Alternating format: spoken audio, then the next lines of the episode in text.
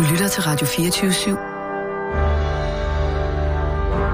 Velkommen til Flaskens Ånd med Poul Pilgaard Jonsen. Så. Ja, til dig, Bo. Tak. Og til mig. Skål og velkommen Tak, Poul. i Flaskens Ånd. Men jo ikke første gang her. Du har været her mange gange. Nej. Vi kan lige så godt sige det med det samme, øh, sådan at udsendelsen er deklareret for lytterne, at vi kender hinanden i forvejen.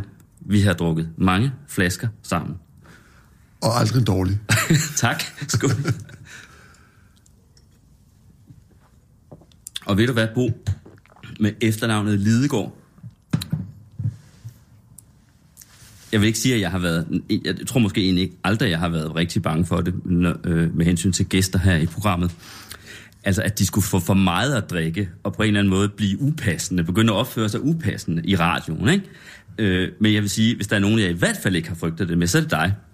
Fordi jeg jo har drukket med dig så mange gange, været til selskaber med dig, til fest, du har været her til fester, og hver gang, så går du hjem, lige før du bliver for beruset.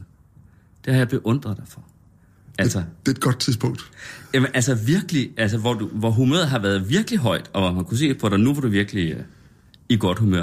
Og så er du gået hjem, lige der. Og jeg har jo spurgt dig om det en gang, og så sagde du det simpelthen, fordi jeg, jeg går simpelthen lige på det tidspunkt, hvor jeg ved, at nu kunne jeg komme til at forløbe mig på en eller anden måde.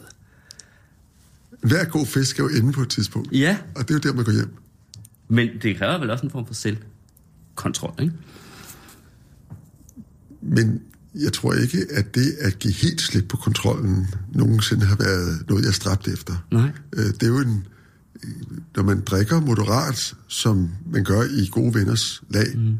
så er det jo for at give slip på en del af kontrollen. Men jeg tror, de fleste af os har prøvet øh, nogle gange i vores liv, at det gik helt galt, øh, og vi mistede kontrollen helt, og har tænkt, det gør vi aldrig igen. Ja, og nogen skal måske drage den erfaring mange gange. Jeg tror, det er få, der kun behøver en. Var det ikke også en gang i virkeligheden, hvor cykelturen hjem blev meget lang herfra? Øh, hvor du havde været til en middag med nogen?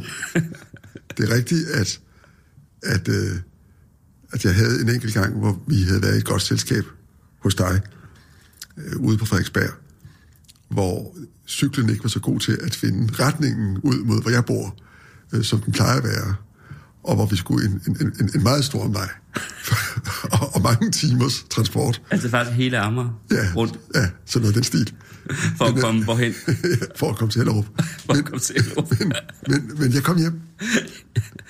Ja, det var også på Frederiksberg dengang. Jeg tror, det var hen på Bjørn Kulunus Allé, da jeg boede der. Nu hedder det Lindevej 2. Øh, Jørgen og Lindevej er Gamle Kongevej, og vi sidder i kanappen som så vanligt, øh, som vi gør her i Flaskens Ånd. Og det er altså Bo Lidegaard, der er min gæst i dag. Og det vinøse, det står øh, Lalu Bisleroy for, øh, som jeg jo mener er den ypperste vinproducent i verden. Øh, og det har jeg også været for dig før, øh, i nogle, øh, hvad skal man sige, noget højere kvaliteter, altså formelt set, øh, men det er simpelthen blevet så ekstremt dyrt i dag. Så det eneste øh, almindelige mennesker har råd til, det er, hvad skal man sige, nede på det niveau, vi er her, Bourgogne, almindelig Bourgogne, plain Bourgogne, øh, sådan generisk Bourgogne, som vi kalder det, 2014, det er til gengæld en kongeovergang for Hvid Bourgogne, netop 2014. Og med den her, der har hun simpelthen lavet noget, der efter min mening smager ligesom Puligny Montrachet, altså vin på et meget højere niveau. Ja. Jeg tror, at den største oplevelse, jeg har haft med vinsmagning, var, da du første gang introducerede et lille selskab, Folleroy. ja. Øh, og øh, der, som jeg husker det, men jeg indrømmer, at mine erindringer den aften er en lille smule øh, præget af, af, af aftenen, som den skred frem. Mm. Øh, men som jeg husker det, havde du fået for dig, at du kunne så at sige øh, spille, orkestrere, instrumentalisere forsamlingens humør og sindstemning ved at beværte os med forskellige Leroy-vine. Ja. Og, øh, og det var altså et næsten videnskabeligt eksper- eksperiment, som du gennemførte med, med rigueur, som franskmændene vil sige. Og med, med en vis succes. I hvert fald tror jeg, vi var øh, jeg var ikke den eneste i det selskab, der følte, at det faktisk i høj grad lykkedes at foretage netop den manipulation, du var ude efter. Øh, men det, var, det blev en, en, en, en virkelig øh, mindeværdig aften, og, og jeg har aldrig glemt, når hver gang jeg ser Laura omtalt, eller får lov til en meget sjældent gang imellem at smage et glas øh, af hendes vin, så øh, kommer jeg til at tænke på den aften. Og ved du hvad? Det er jo fordi, de vine havde den aften der for frygtelig længe siden jo flaskens ånd. Det er derfor, programmet hedder sådan. Det er jo fordi, jeg har tænkt, hvis jeg bare enkelte gange kan få, have, få, finde vine, der har den effekt i programmet, vil det være spændende at høre på, og ellers så kan man jo bare have en rigtig hyggelig time. Men, men det er jo den effekt, der ikke bare er alkoholen, men som er noget andet i vinen. Og det er det jo. Jeg kan tydeligt huske, at jeg tror på Erik Tøjner, øh, som dengang var kulturredaktør på Weekendavisen, og altså en af mine chefer, som var meget skeptisk over for mit så hedder det, mystiske snak om, om øh, flasken tårn og den slags. Han faktisk udbrød, da han fik Nuisance Shores 82. Det her, det er jo en spirituel vin. Altså, det røg ud af munden på ham, uden han havde noget at tænke over det. Og det var den, Nuisance Shores 82. Det var Ja. Nå. Vi skal ikke sidde og fortabe os i gamle minder. Vi skal skåle. Og så skal jeg lige for lytterne få ridset din historie op helt kort, ikke? Du er historiker oprindeligt, Dr. Phil. Så var du ansat i Udenrigsministeriet fra 84 til 2005. Og det er faktisk på det tidspunkt, hvor vi møder hinanden, for der er du på et tidspunkt øh, kulturattaché i Paris. Og jeg havde aldrig mødt dig, men jeg var nede og skulle dække et arrangement, som øh, du havde noget at gøre med. Øh, og der kom vi til at tale sammen om noget historisk, som jeg var øh, i gang med at arbejde på og ville skrive om i weekendavisen, og begyndte at tale. Og det var faktisk det var den måde, vi mødtes på. Så kom du i statsministeriet fra 2005 til 11. Du blev rådgiver for Anders Fogh. Og så i 2011 blev du chefredaktør for Politik. Og nu er du bare dig selv, ikke? Sådan det. Ja. Hvad laver du egentlig? Jeg, øh, jeg laver på, på mange måder lidt det samme, som jeg altid har gjort i den forstand, at jeg på den ene side laver meget internationalt arbejde. Jeg prøver at holde mig meget velorienteret om, hvad der sker, især i Europa, øh, og forstå, hvad der sker omkring Brexit, omkring øh, udviklingen i Frankrig, i Tyskland, Italien, i Østeuropa, og hvordan de ting spiller sammen. Og øh, det er jo i virkeligheden en, et felt, jeg har interesseret mig for i hele mit voksne liv, altså den europæiske udvikling og Danmarks placering i, mm. øh, inden for den udvikling. Og det er stadigvæk en meget stor del af min tilværelse, at være så skarp, jeg nu kan, kan være på det. Og det er også en del af det, jeg lever af, fordi øh, jeg er knyttet til en, en virksomhed, der ligger i London, eller hvis hovedkvarter ligger i London, Okay. og som lever af at analysere den slags ting. Macro Advisory Partners hedder de. Øh, og, øh, og de hjælper især virksomheder med at læse den politiske situation, forstå og, og i et eller andet omfang forudse, øh, i hvilken retning det går, øh, hvilket jo selvfølgelig for, for virksomheder, der opererer i Europa og i verden, er, er vigtigt. Okay. Og den virksomhed, den, den opererer i hele verden, men, men, men jeg er især fokuseret på Europa. Så det er sådan, det Okay. jeg laver øh, til hverdag. Og se, det vidste jeg jo faktisk ikke, så, så længe er det faktisk, siden vi har set den. Ja. Men så er du jo, det glemte jeg jo, altså, var jeg lige ved at sige først og fremmest, øh, men for de fleste mennesker måske først og fremmest forfatter. Ja. Og det er jo så det, jeg laver ufattelig mange bøger. Jeg har ikke Øh, talt på, hvor det, mange. Det er det, jeg laver øh, øh, øh, resten af tiden. Øh, og, øh, og det gør jeg stadigvæk.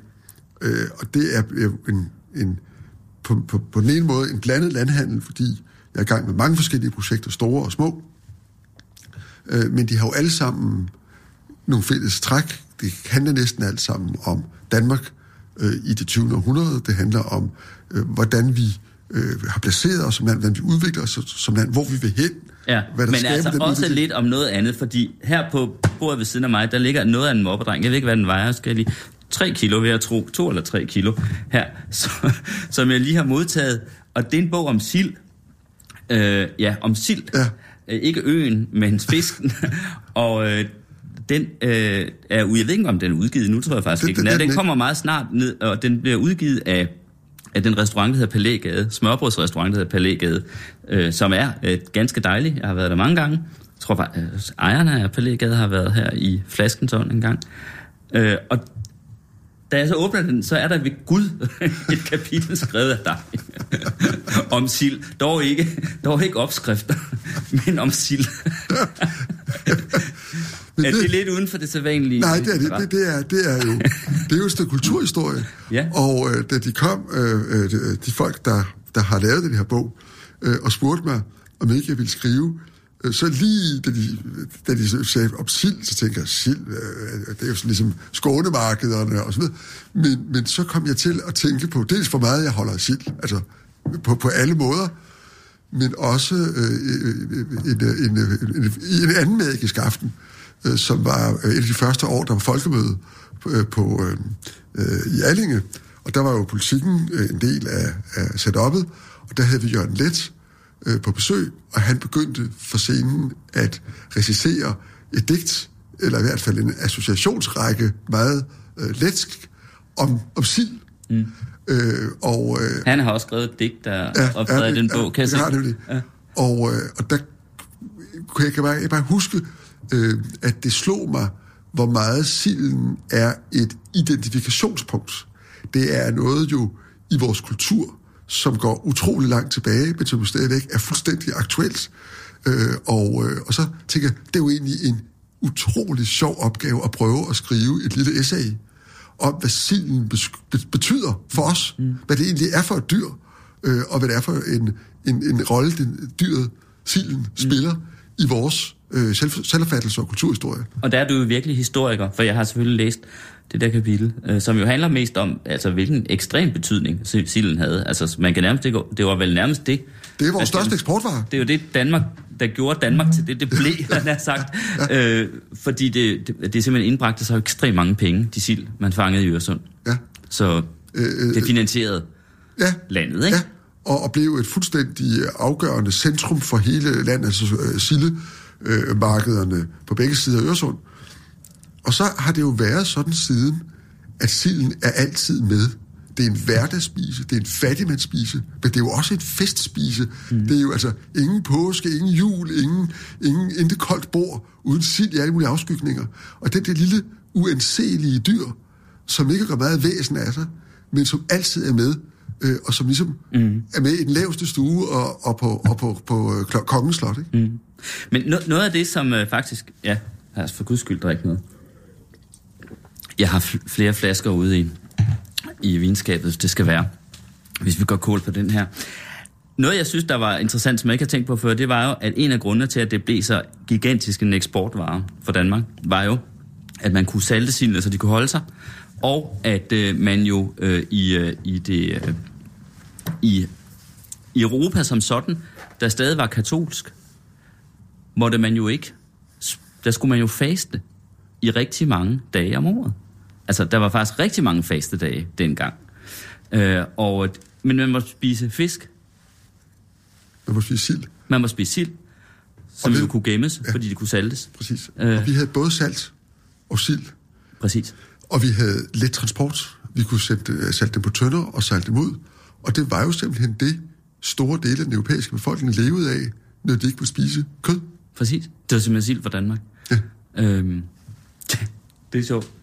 Og det var jo i virkeligheden, altså igennem hele middelalderen, og der er altså masser af legender om, altså hvor helt ufattelig mange sild der var, og, og som, man, som du også kan forestille dig, så øh, når der var de her kæmpe sildemarkeder, så tiltrak det jo ikke bare fiskere og skællekoner, og, øh, men det var jo ligesom et kæmpe økonomisk messe, hvor alt, hvad der kunne krybe og gå af økonomiske aktører og handelsfolk, og, øh, så, så hele tiden området omkring København, Skanør, øh, på begge sider igen af Øresund, blev hele Skandinaviens økonomiske centrum i de der øh, måneder, når der var sildemarked. Og det var selvfølgelig med til at grundlægge, øh, øh grundlægge København og grundlægge øh, landet, og grundlægge øh, landet, som jo dengang omfattede hele det, som vi i dag opfatter som den sydlige, midlertidigt opfatter som den sydlige del af Sverige.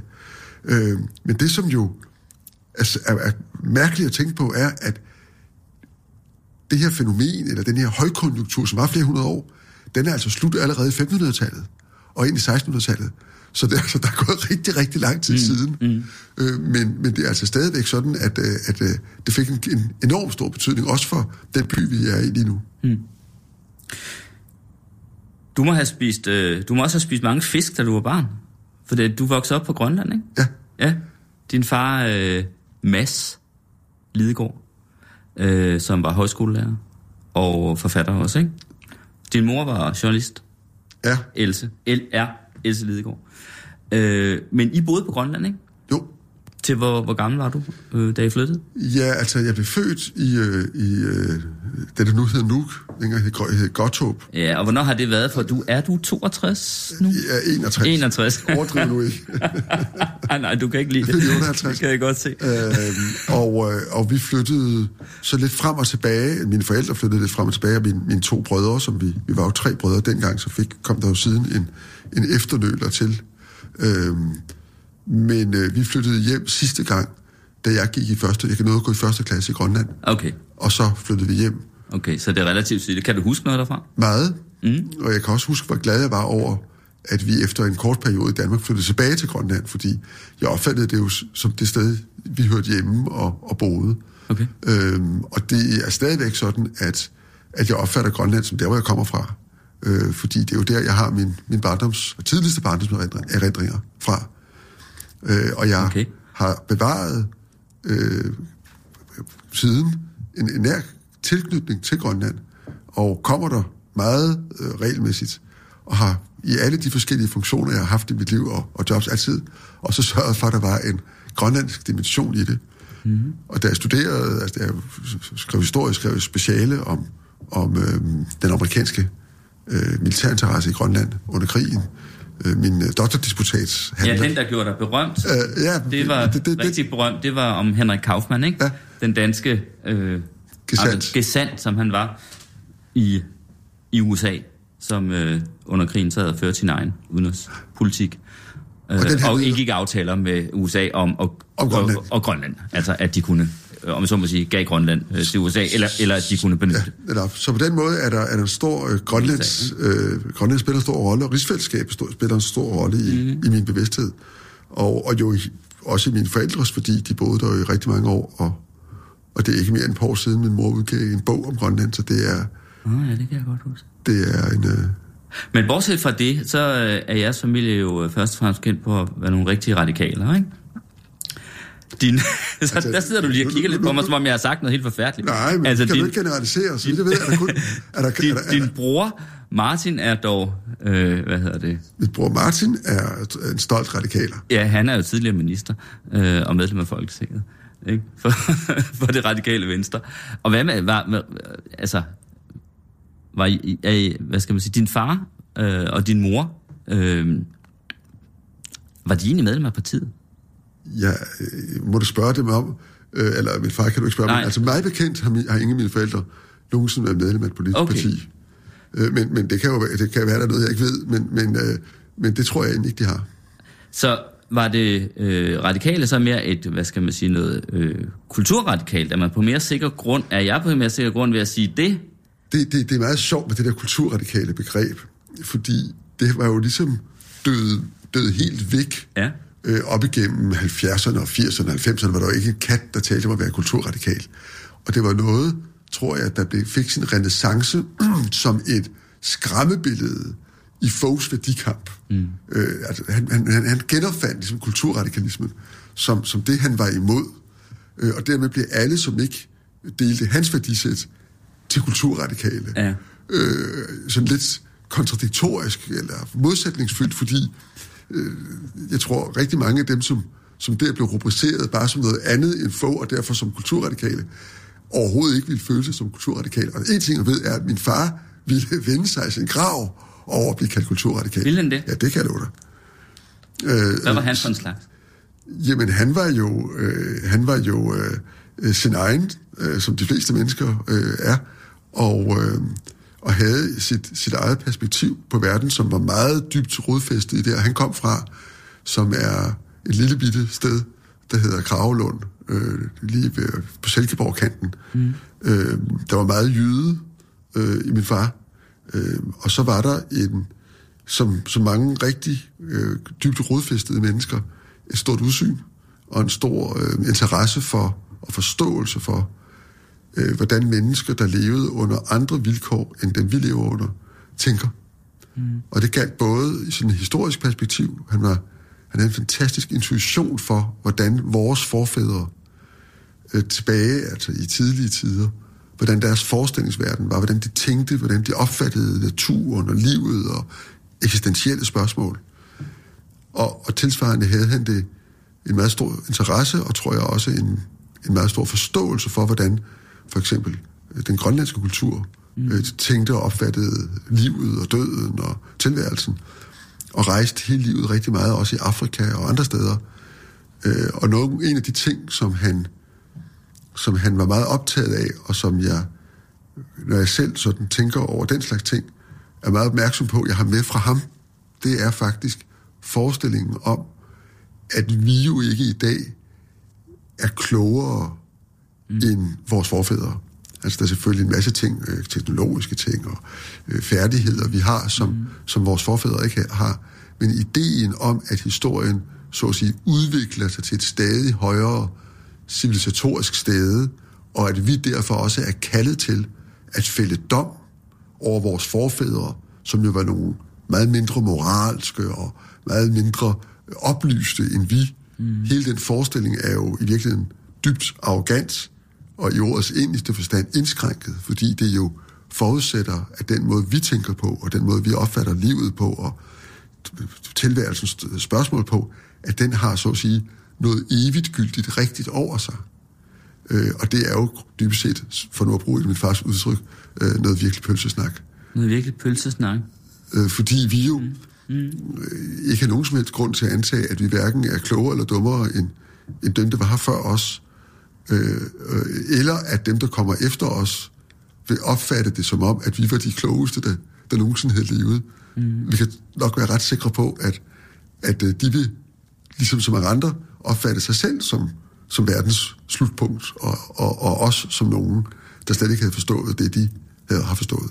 Det der med at fælde dom over fortiden og over, over, øh, over tidligere generationer, fortidens mennesker, også den nære fortid, byder dig i det hele taget ret meget imod, har jeg på fornemmelsen, ikke? Jo. Altså, og det vil også... Øh, øh, kunne jeg forestille mig grunden til, at øh, den forskel, der har været på dig og for eksempel Anders Fogh, fordi Anders Fogh blev berømt om, for at tale om, øh, om modstandsfolkene. Øh, altså, under krigen, de, der har engageret sig på den ene side, de, der har engageret sig på den anden side osv., altså på en eller anden måde dele det meget op i et, øh, hvad jeg vil lige sige, også af dem. Altså, de rigtige og de forkerte, og hvor dit billede var noget mere nuanceret, ikke? Eller øh, noget anderledes, altså. Jo, men i det hele taget så... Altså, du jeg... mener jo ikke, at samarbejdspolitikerne øh, var dumme eller var, hvad skal man sige, nødvendigvis på det forkerte hold. Og det var jo det, få talte om dengang. Det var øh, samarbejdspolitikerne versus kontra øh, de, der gik modstandsvejen, ikke? Jo, altså problemet ved, ved det er jo, at sådan en, en også dem eller forner og bukkende tankegang jo fuldstændig overser øh, for eksempel, at rigtig mange, der siden blev modstandsfolk, jo i krigens første tre et halvt år var samarbejdsfolk. Mm. Så, så allerede der kan man sige, øh, hvornår var så det øjeblik, vi tæller efter? Og var det, som var rigtigt i 1944, var det også rigtigt i 1940? Mm. Øh, allerede der falder jo sådan en simpel opdeling øh, af, af, af modstand og ikke modstand øh, fra hinanden. Men dernæst er der jo tusind andre nuancer og og rigtig besværlige øh, sondringer. Øh, hvordan skal vi bedømme det faktum, at de danske kommunister i krigens første år var allieret med nazisterne? Øh, I de følgende par år var forfulgte og jo også ulovligt forfulgte af de danske myndigheder. Og i krigens sidste år mm. var ledende, og især ledende i den hårde militante del af modstandskampen. De mente selv, de forsvarede Danmarks frihed, men forsvarede de også det danske demokrati? Mm. Og hvor ville de have stået, hvis terningerne var faldet bare en lille smule anderledes, og Sovjetunionen havde befriet øh, os østfra? Mm. Ville vi så have set en udvikling som den, vi så i hele Østeuropa, mm. Og ville Anders Fogh Rasmussen så med lige så stor entusiasme have sagt, at det var dem, vi skulle hylde for Danmarks frihed og demokrati. Altså, på den måde er historien uendelig modsætningsfyldt mm. og kompleks. Mm. Men det er rigtigt set, hvis jeg nu påstår, at øh, samarbejdspolitikens ypperste repræsentant, nemlig Scavenius, øh, i virkeligheden er lidt af en held for dig. Vil du sådan ikke til det? Han er en held i den forstand, at han i en situation, hvor landet var utrolig hårdt trængt, og hvor han jo havde den store luksus ikke at være hverken politiker, medlem af noget politisk parti, overhovedet ikke have noget offentligt embede. Han var pensionist. Mm. Men havde jo et rygte fra Første Verdenskrig om, at det var ham, der havde reddet landet igennem Første Verdenskrig. Mm. At han i en situation, hvor helt bogstaveligt talt Folketinget, altså de fire demokratiske partier og kongen, bogstaveligt talt tryllede ham om mm. at påtage sig ansvaret for at gøre noget, som alle demokratiske partier i Danmark var enige om måtte gøres, og kongen, at han der påtog sig opgaven, på trods af, at han var pinligt klar over, at den eneste tak, han ville få, hvis det lykkedes, og demokratiet blev frelst, var evig fordømmelse. Og jeg synes, et menneske, som er så patriotisk, at han i den situation vælger ikke at blive siddende i sin lænestol, mm. men at virkelig påtage sig, hvad man med, med sindsro kalder en urias post. Og på godt og ondt, i de følgende tre år, gennemføre den politik, som de partier, som 95 procent af befolkningen havde stemt på før krigen, stemt på under krigen og stemt på igen efter krigen, ønskede han skulle føre. At vi i dag stempler det på 70 års afstand som en form for landsforræderi. Det synes jeg, for nu at bruge et af for Rasmussens udtryk, er lidt uselt. Ja. Og så var han jo et radikaler. Men Nej, det, det var han så ikke på det her tidspunkt, fordi han, han brød jo med de radikale okay. i 1922, fordi jeg synes, de var sådan nogle hængrøv. okay. Jeg kan ikke lade være... Åh, oh, lad os lige få noget at drikke. Skål. Du må have haft nogle... Øh, du må have haft nogle interessante samtaler med Anders Fogh om det her, for det var jo ham, der først og fremmest blev bannerfører for den her undsigelse af sig. Ej, det kan man ikke sige. Det, samarbejdspolitikken var jo undsagt af mange, især de tidligere modstands øh, men, gennem, gennem årtier, ikke? Men det var ham, der ligesom stillede det meget hårdt op. Øh, og så bliver du så, øh, og så bliver du så øh, faktisk ansat i statsministeriet. På et tidspunkt, hvor I, i hvert fald på det punkt er rygende uenige, ikke? Jo, det, det, det var vi, og, og det tror jeg også, vi stadigvæk er. men, men man kan sige, at nu var jeg jo ikke øh, ansat i statsministeriet til at øh, drøfte øh, udlægningen af fortiden. Nej. Jeg havde ganske kort tid før jeg, jeg kom derover som chef for det udenrigs- og sikkerhedspolitiske område, udgivet en bog om de spørgsmål, vi lige diskuterede, ja. øh, som, øh, som jeg kaldte Kampen om Danmark.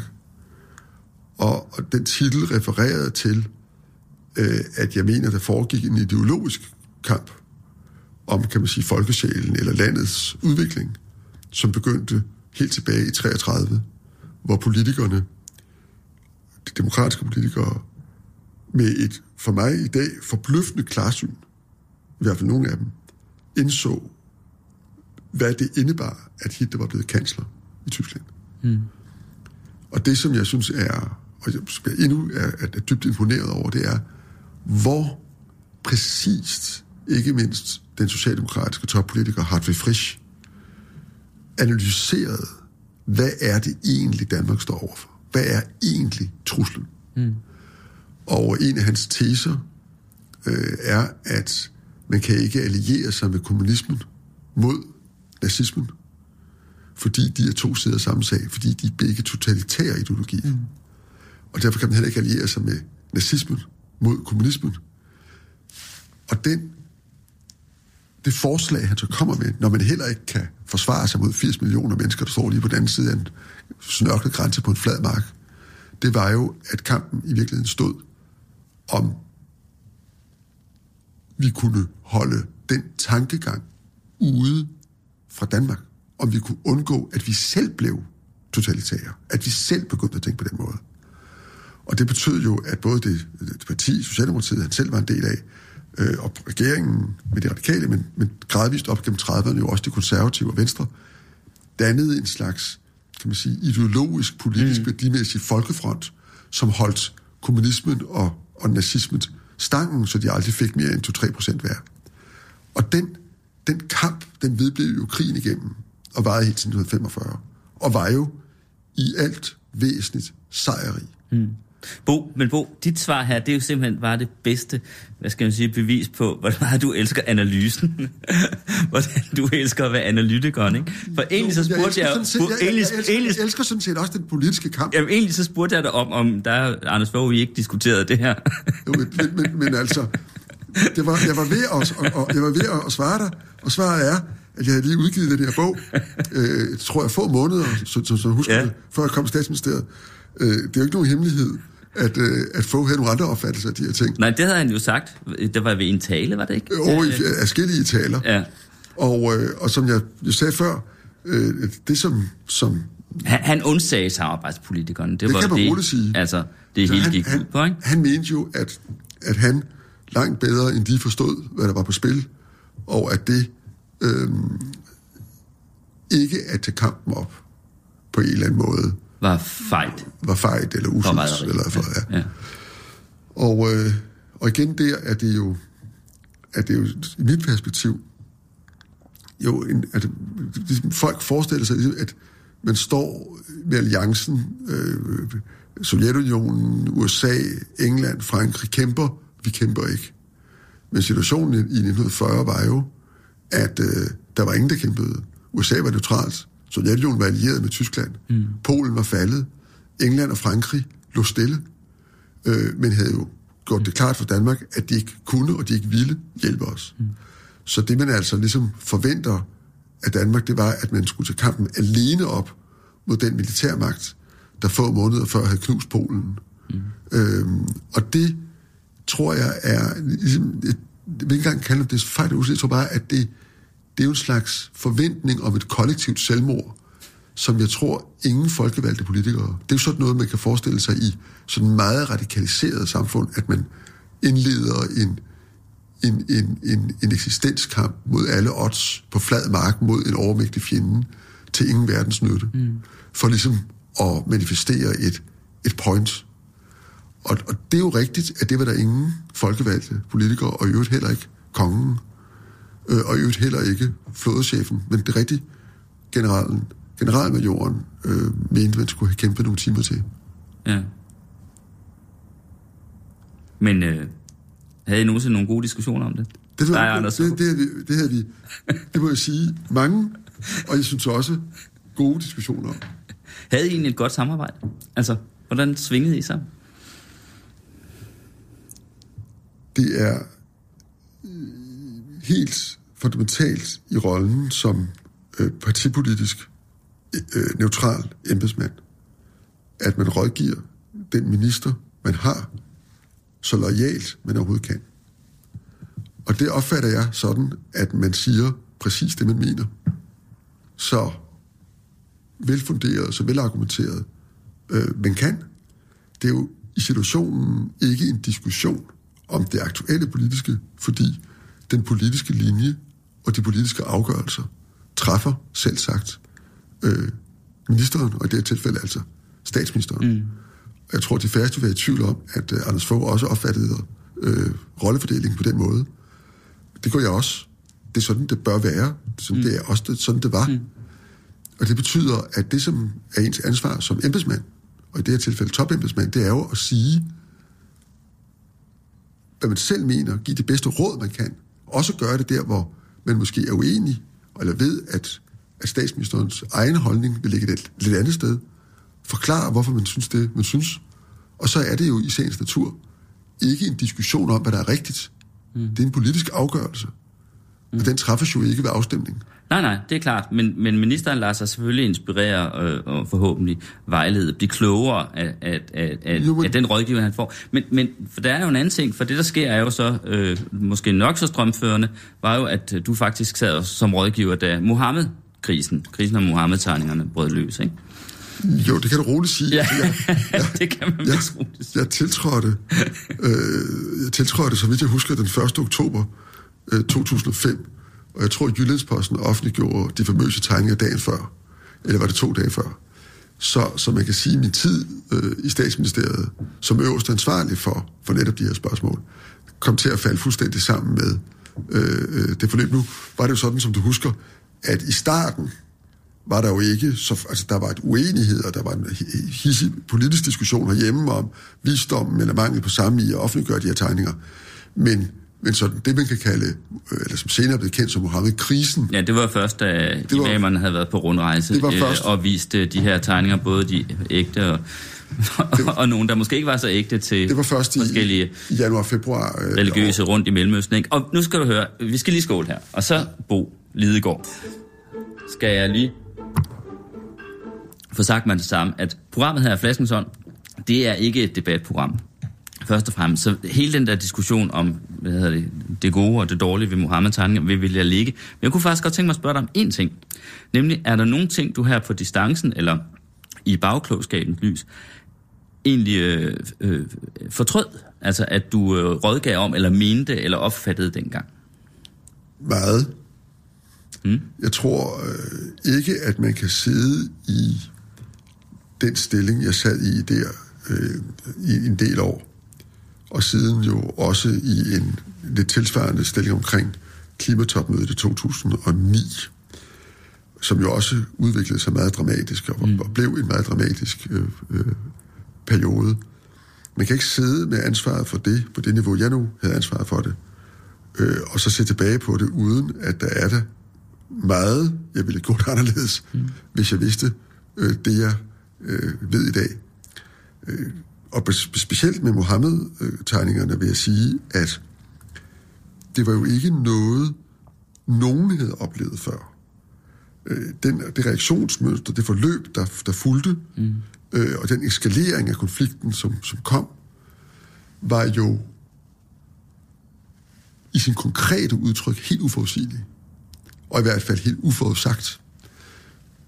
Og det er klart, at det gælder os alle sammen, tror jeg, at hvis man har ansvaret for noget, så ser man jo på, hvad har man oplevet før, der ligner det? Hvordan gjorde vi sidst?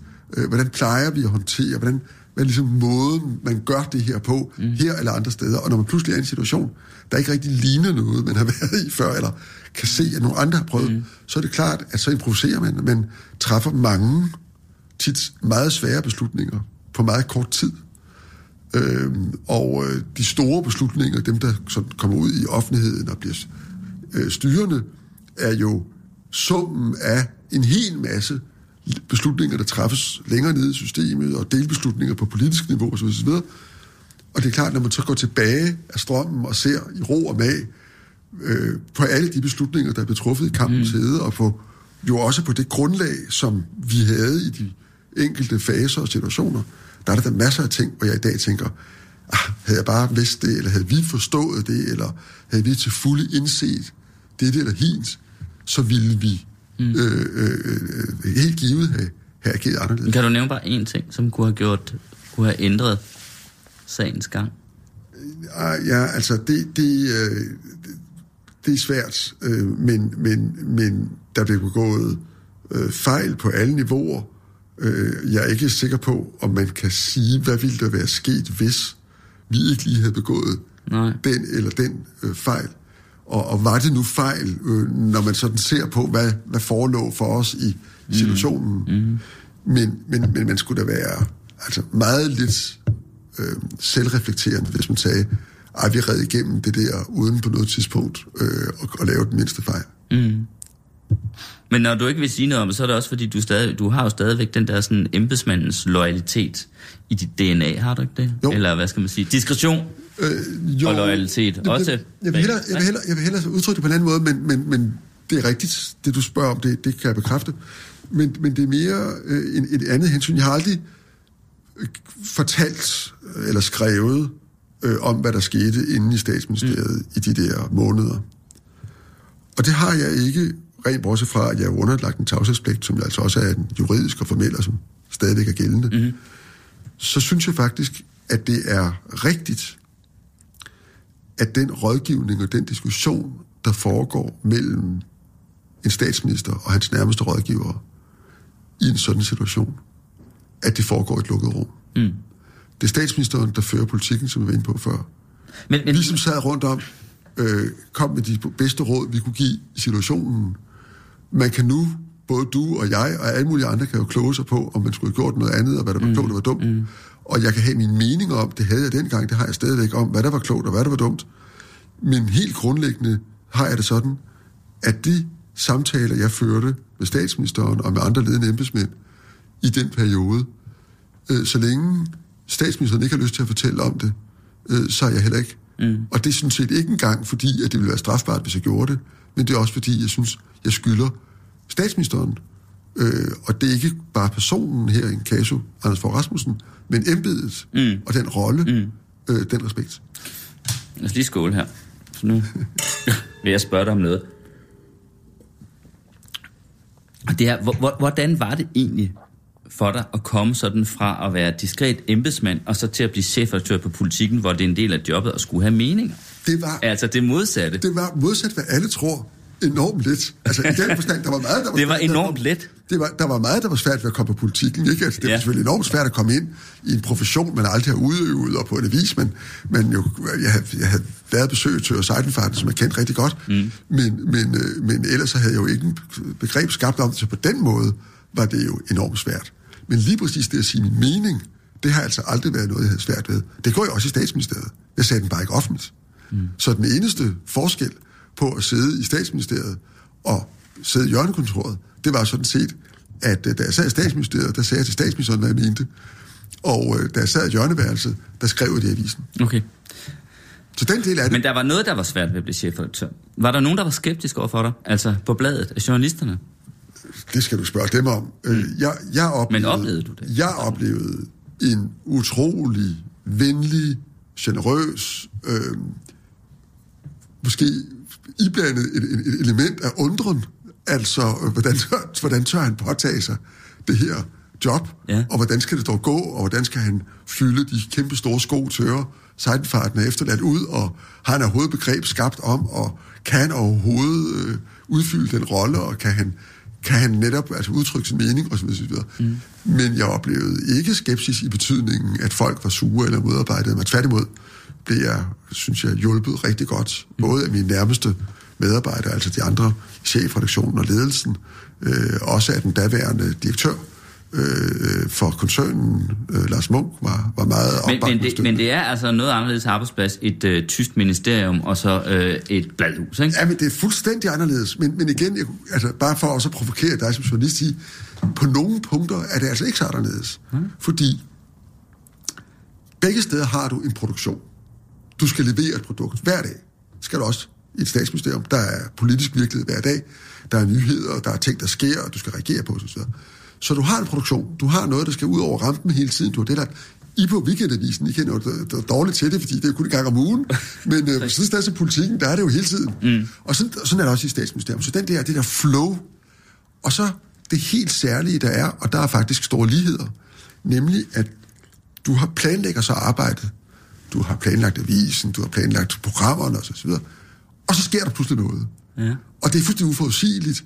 Og bomber springer, altså i ikke kun alvorlige bomber, men også sådan mentale bomber. Præcis. Noget falder ned, noget mm. sker, planen bliver kuldkastet, og så skal du på meget kort tid omkalfatre, øh, øh, omstrukturere avisen. Det kan slet ikke være den leder, det skal være en helt anden forside. Det er en helt anden historie, som det hele skal handle om. Og det der med at håndtere et, et krisemode, at, at ligesom kunne, kunne klare over lang tid, at ingenting helt går som planlagt, mm. og der både skal være sådan en rutineproduktion, en, rutine, en dagligdag, øh, og du skal have en organisation, der virker, men samtidig skal du være i stand til at håndtere... at- Agere på det hurtigt, eller hvad hedder det? det og der, alt det, ja, det forstår jeg godt. Det, det, det har jeg siddet seks år i statsministeriet, Ja. og det vil sige, det er jo en organisation, der er ekstremt gearet til at tænke på den måde. Jo, det forstår jeg godt af ligheder, men, men jeg forestiller mig, at der må være nogle forskelle, for eksempel på, hvad skal man sige, jeg ved ikke, man skal kalde det, omgangstonen, eller det Jamen, er hierarkiske system. Jamen, Ikke? det er da fuldstændig, altså, øh, øh, på, det må jeg sige, det jeg oplevede på politikken, og som jeg tror er gældende, øh, og i hvert fald det jeg besøgte andre redaktioner, Ja, også i, ja. ja. i, i, i udlandet, Ja.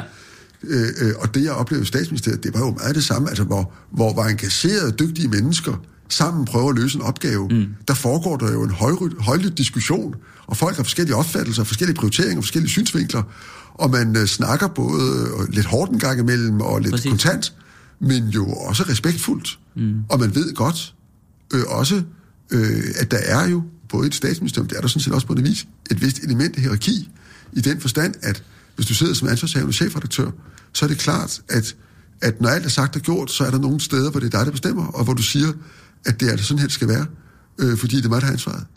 Mm. Øh, og, og det gør man jo ikke hele tiden, man gør det måske ikke engang hver dag, fordi langt det meste, det foregår, det foregår jo af dygtige mennesker, der, der, der, der skriver og gør. Øh, men den der, jeg vil sige, noget af det, jeg elskede, både ved statsministeriet og ved politikken, øh, det er jo, øh, at man mødte ind hver dag, og så var der øh, øh, netop altså de her utrolig engagerede mennesker, som ville noget med det, og som, som, som øh, havde tårnhøjt ambitionsniveau, og som gik hjem sent hver dag med, med, med, med en bevidsthed om, at de havde virkelig gjort deres bedste for at, at bringe tingene til langt frem, men nu kunne den dag. Jeg så forestiller mig, at tonen alligevel må have været mere fri på en eller anden måde. På avisen, Ja. End i ministeriet. altså øh, tonen i statsministeriet er meget øh, åben og, og, og, og, og, og, og, og, og fri. Der er jo ikke nogen formalitet i den måde. Det er jo ganske, det er meget mindre arbejdsplads mm. end politikken, øh, og, og ledelse til statsministeriet og medarbejderne. Øh, det er klart, når du er sammen med statsministeren, og du forelægger sager for statsministeren og drøfter sager med statsministeren, så har det selvfølgelig et element af formalitet. Men det ligger jo mere i selve det embede, at du jo, jo altså på alle niveauer, og i øvrigt jo også, når du er ude i samfundet med statsministeren, der viser folk det embede respekt, og det skal man jo også. Var der noget, du synes, der var svært ved at komme på politikken? Det var da enormt, hvad Ja. jeg synes var svært. Nej, men jeg mener egentlig også, Øh, om der var noget, hvor du altså, egentlig følte dig som, hvad skal man sige, altså noget, der ikke passer så godt til dig, på en eller anden måde. Som du Jo, følte var det, det, det, det, det, er, det er nok øh, altså det, det er nok andre, du skal spørge om det. Øh, Jeg var utrolig glad for især de første, de så- første øh, fire år, mm. øh, jeg var på avisen. Øh, og jeg, og jeg, øh, øh, jeg følte mig, som jeg sagde før, meget, meget velmodtaget, og jeg følte også, at det at skulle repræsentere politikens synspunkter, øh, og det at skulle ligesom være øh, en del af den offentlige debat med, med, den, med, den, med det stempel, øh, at jeg var politikens chefredaktør. Mm. Øh, det passede mig rigtig godt, mm. fordi jeg oplevede bogstaveligt talt aldrig, at der var noget, jeg så at sige, selv gerne ville mene, som jeg ikke synes, jeg kunne mene som politikens chefredaktør. Det er også et gammelt radikalt blad. Skål, tag nu en ordentlig slurk, Bo, Lidegaard her, fordi nu vil jeg være lidt, nu vil jeg være lidt, Nu, vil du, nu forsøger at lo- lo- lokke mig på glat is, eller hvad? ej, lidt uartigt. Det er bare fordi, jeg vil ikke spørge dig om, hvorvidt du øh, blev afskediget eller gik selv, for det vil du garanteret ikke svare på. Men der var mange diskus, eller hvad hedder det, spekulationer om det dengang, hvor du holdt op. Men jeg vil, for det var lige omkring det tidspunkt, hvor du holdt op, der blev du genstand for en, øh, en lille artikel i Rokokoposten. Jeg ved ikke, om du kan huske den. Øh, det har jeg faktisk tænkt mig, at vil læse op. Politikens tidligere chefredaktør er blevet udnævnt til pave efter en rekordhurtig, øh, efter en rekordhurtig votering. Selvom Lidegaard ikke er katolik, er han så frelst, at det ikke udgør noget problem, fortæller kardinalerne.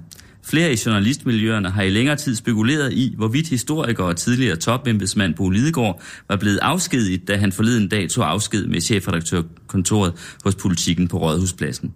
Men nu viser det sig, at Lidegaard i lighed med flere danske toppolitikere har valgt at satse på en international karriere efter en række prominente stillinger. Fremover vil Lidegaard nemlig kunne kalde sig Pontifex Maximus samt biskop af Rom. Med andre ord bliver Lidegaard den 267. 267. 20. katolske pave. Det kom frem, da Lidegaard mandag trådte frem for verdenspressen, efter at kardinalkollegiet i Vatikanet havde voteret i blot syv minutter, inden de sendte den hvide røg til værs. Kardinal Giuseppe Buini forklarer, hvorfor beslutningen faldt så hurtigt. Når der kommer en mand med Lidegaards kvalifikationer, så er det jo bare om at slå til. Ikke alene kan enhver konstatere, at han er nærmest overmenneskelig frelst, men at han også er totalt ude af stand til at fejle. og at, han, og at han også er totalt ude af stand til at fejle, er åbenlyst ud fra hans virke som lederskribent, siger Buini begejstret, og understreger, at det derfor var ganske let at se bort fra Lidegaards manglende katolicisme. Den afgående pave Frans forklarer, at han kun er glad for at afgive pladsen til en så kompetent afløser. Vi har stærkt brug for en mand, der er ufattelig stærk i troen på overmenneskelig venlighed samt mirakler, og her er der ingen tvivl om, at Lidegaard er langt mere kompetent, end jeg er.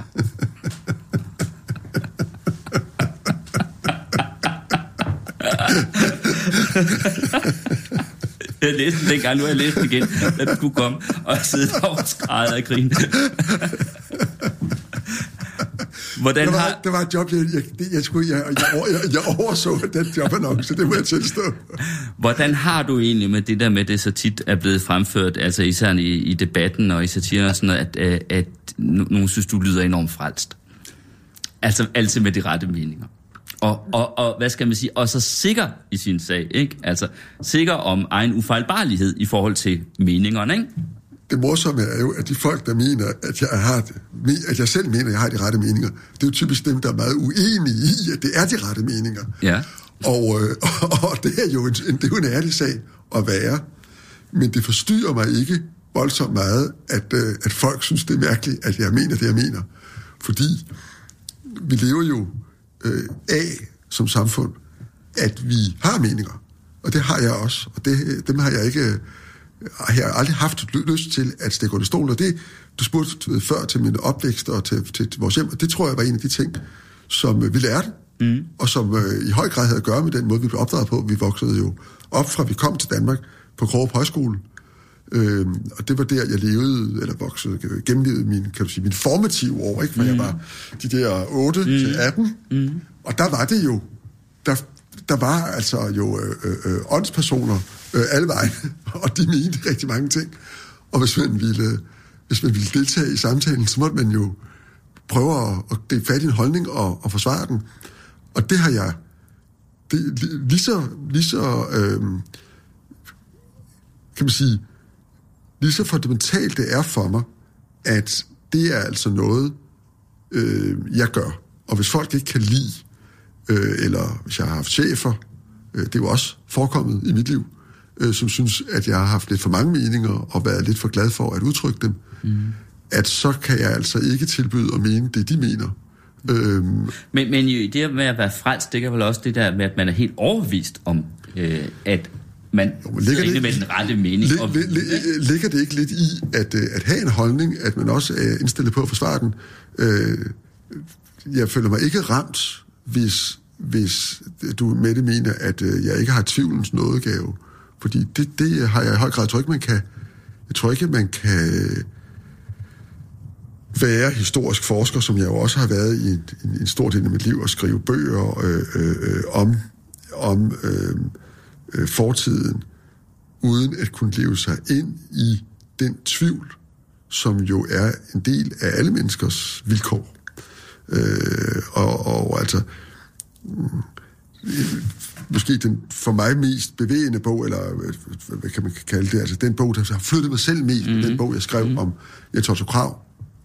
Og en af de ting, som øh, slog mig, da jeg skrev den, øh, er lige præcis, at folk oplevede ham som meget selvsikker og meget frelst og meget øh, mm. øh, ligesom, øh, uinteresseret i, hvad andre mente. Mm.